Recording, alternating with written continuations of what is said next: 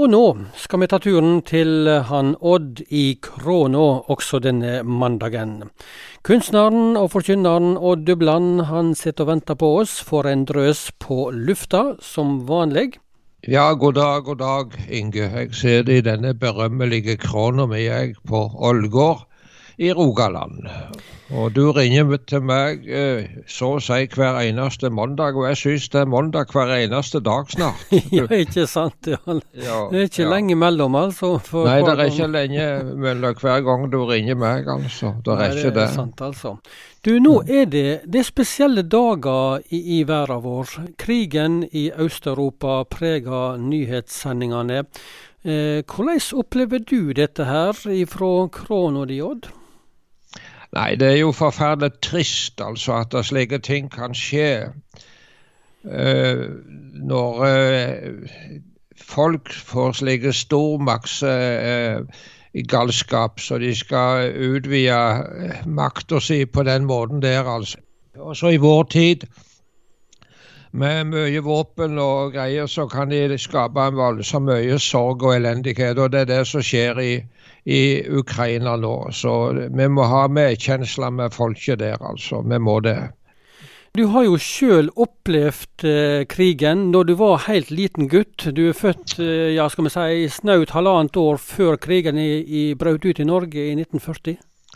Ja, ja, nå husker jeg ikke så mye av akkurat krigsutbruddet da, jeg gjorde ikke det. Men jeg eh, husker jo en hel del ifra selve fra 44 så har jeg jo en del minner fra krigen. Jeg er jo jeg er 83 år gammel, og jeg husker spesielt to ting. Det, det, de, det kom et angrep på en konvoi.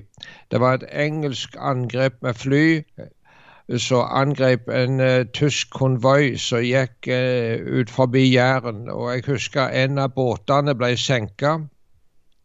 Jeg husker ennå at båten sto opp og ned i sjøen med baugen øverst før han sokk. Det var langt vekke, men vi så det hjemme fra Dubland, der så gården vår var. Og så husker jeg også det at uh, jernbanetoget ble uh, et godstog med tankvogner. Det ble angrepet av uh, britiske fly. det var på mellom Varhaug og Vigrestad det skjedde, i nærheten av en plass etter Holmen, sør for Odland. Og jeg husker ennå flyene, jeg lurer på om det var Mosquito og jeg husker de, de, de føk så lågt at jeg så eh, propell, selve navet på propellene. Og det var over på noen minutter, det, da, men eh, de skjøt i brann toget. Og jeg husker vi var nede på jernbanestasjonen etterpå for å se på hvordan de prøvde å dra ut de sundbrente vognene. Det var mange lokomotiv nede på stasjonen, slike damplokomotiv og far og meg gikk ned for å se. Det var litt av minnet da, men du vet, vi må si det slik, vi slapp billig i Norge når det gjaldt krigen, for så vidt i forhold til andre plasser, du eh, Inge. Men dette er minnet som har brent seg fast eh, i deg helt fra tidlige barneår, altså? Ja, du vet, eh, jeg var så liten, jeg forsto jo ikke noe, jeg, vet du. Det, det var, jeg var så liten. Men jeg husker tyskerne. Jeg, eh, jeg, husker de marsjerte på veien ut forbi der som vi bodde. Og så hadde de gassmaske på seg, og de skulle skremme meg, og de brølte i maskene sine, og jeg hoppet over gjerdet og gjemte meg på den, ene siden, på den andre sida av steingarden. Det husker jeg de, de, de, Men det var nå bare for spøk, det, da. Og jeg tror nok det at de tyskerne som var i Norge på slutten av krigen var glade for at de fikk være her og ikke i Øst-Europa. Det tror jeg nok. Du, dette med, med krig og, og redslene og frykten og, og, og, død og fordervelse rundt krig, eh, det er jo voldsomme ting, dette her. Eh, og veldig meningsløst, eh, oppleves det som. Hva tenker du om, om Gud oppi dette her? Hvor er Gud når krigen raser? Hva skal vi si til det?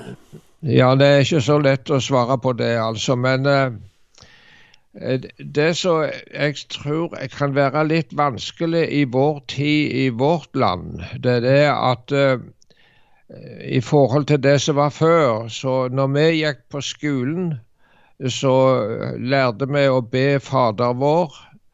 Vi sang kristne salmer og sanger, som var rene bønnesanger kanskje òg. Vi gikk på søndagsskole. Vi gikk på kristne møter. Og vi lærte å be til Gud.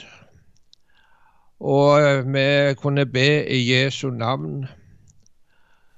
Og det som skjer nå, det er det at det vokser opp generasjoner som er mest fratatt disse ting.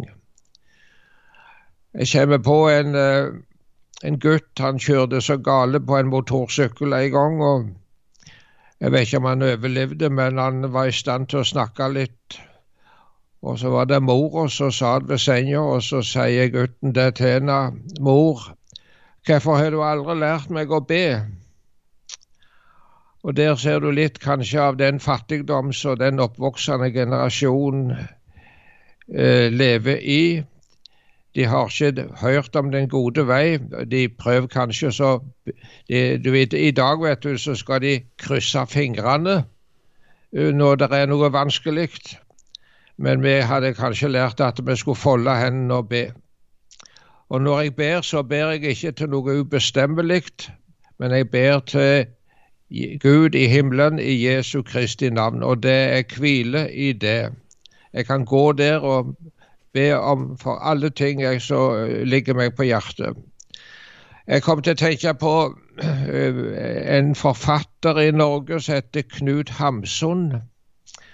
Han eh, var jo en fabelaktig forfatter, og jeg husker ennå hva inntrykk det gjorde når jeg leste boka 'Markens grøde'. Og jeg hørte opplest i radio Bojo boka 'Sult'. Det var fantastisk skrevet. Men denne Hamsun han eh, var nå en spesiell person, og noe av det som ble tragedien for han, det var det at han uh, dyrka Hitler. Når, og han lovpriste Hitler, altså. Og havna på den såkalte galne sida under krigen. Og han eh, kom, eh, gikk gjennom et kraftig krigsoppgjør når krigen var slutt, og mistet mye av sin formue. Og døde som en eh, gammel og kanskje litt bitter mann. Men han, han sier det om seg sjøl når det gjaldt livet sitt, på slutten av livet. Jeg er lut lei av å tumle om og ikke ha noe annet enn min stakkars fornuft å holde meg til. Altså, der ser du et menneske som er godt trøtt av å ikke ha noe mer enn sine egne tanker. Og det er kanskje mange mennesker i vår tid som har det slik. Og Hamsun han skrev det Jeg er lut lei av å tumle om og ikke ha noe annet enn min stakkars fornuft å holde meg til.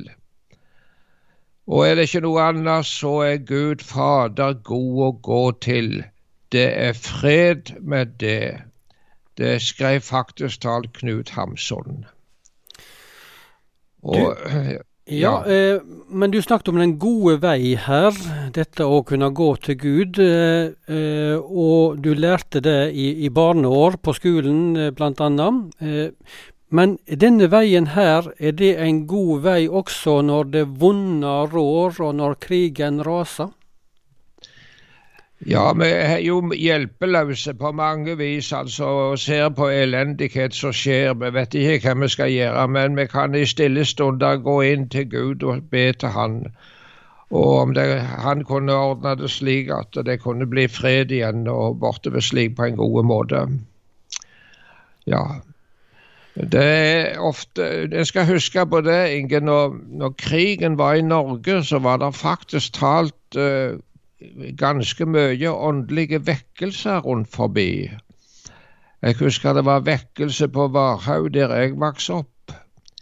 Eh, tyskerne hadde tatt uh, forsamlingshuset, så vi fikk ikke bruke det lenger.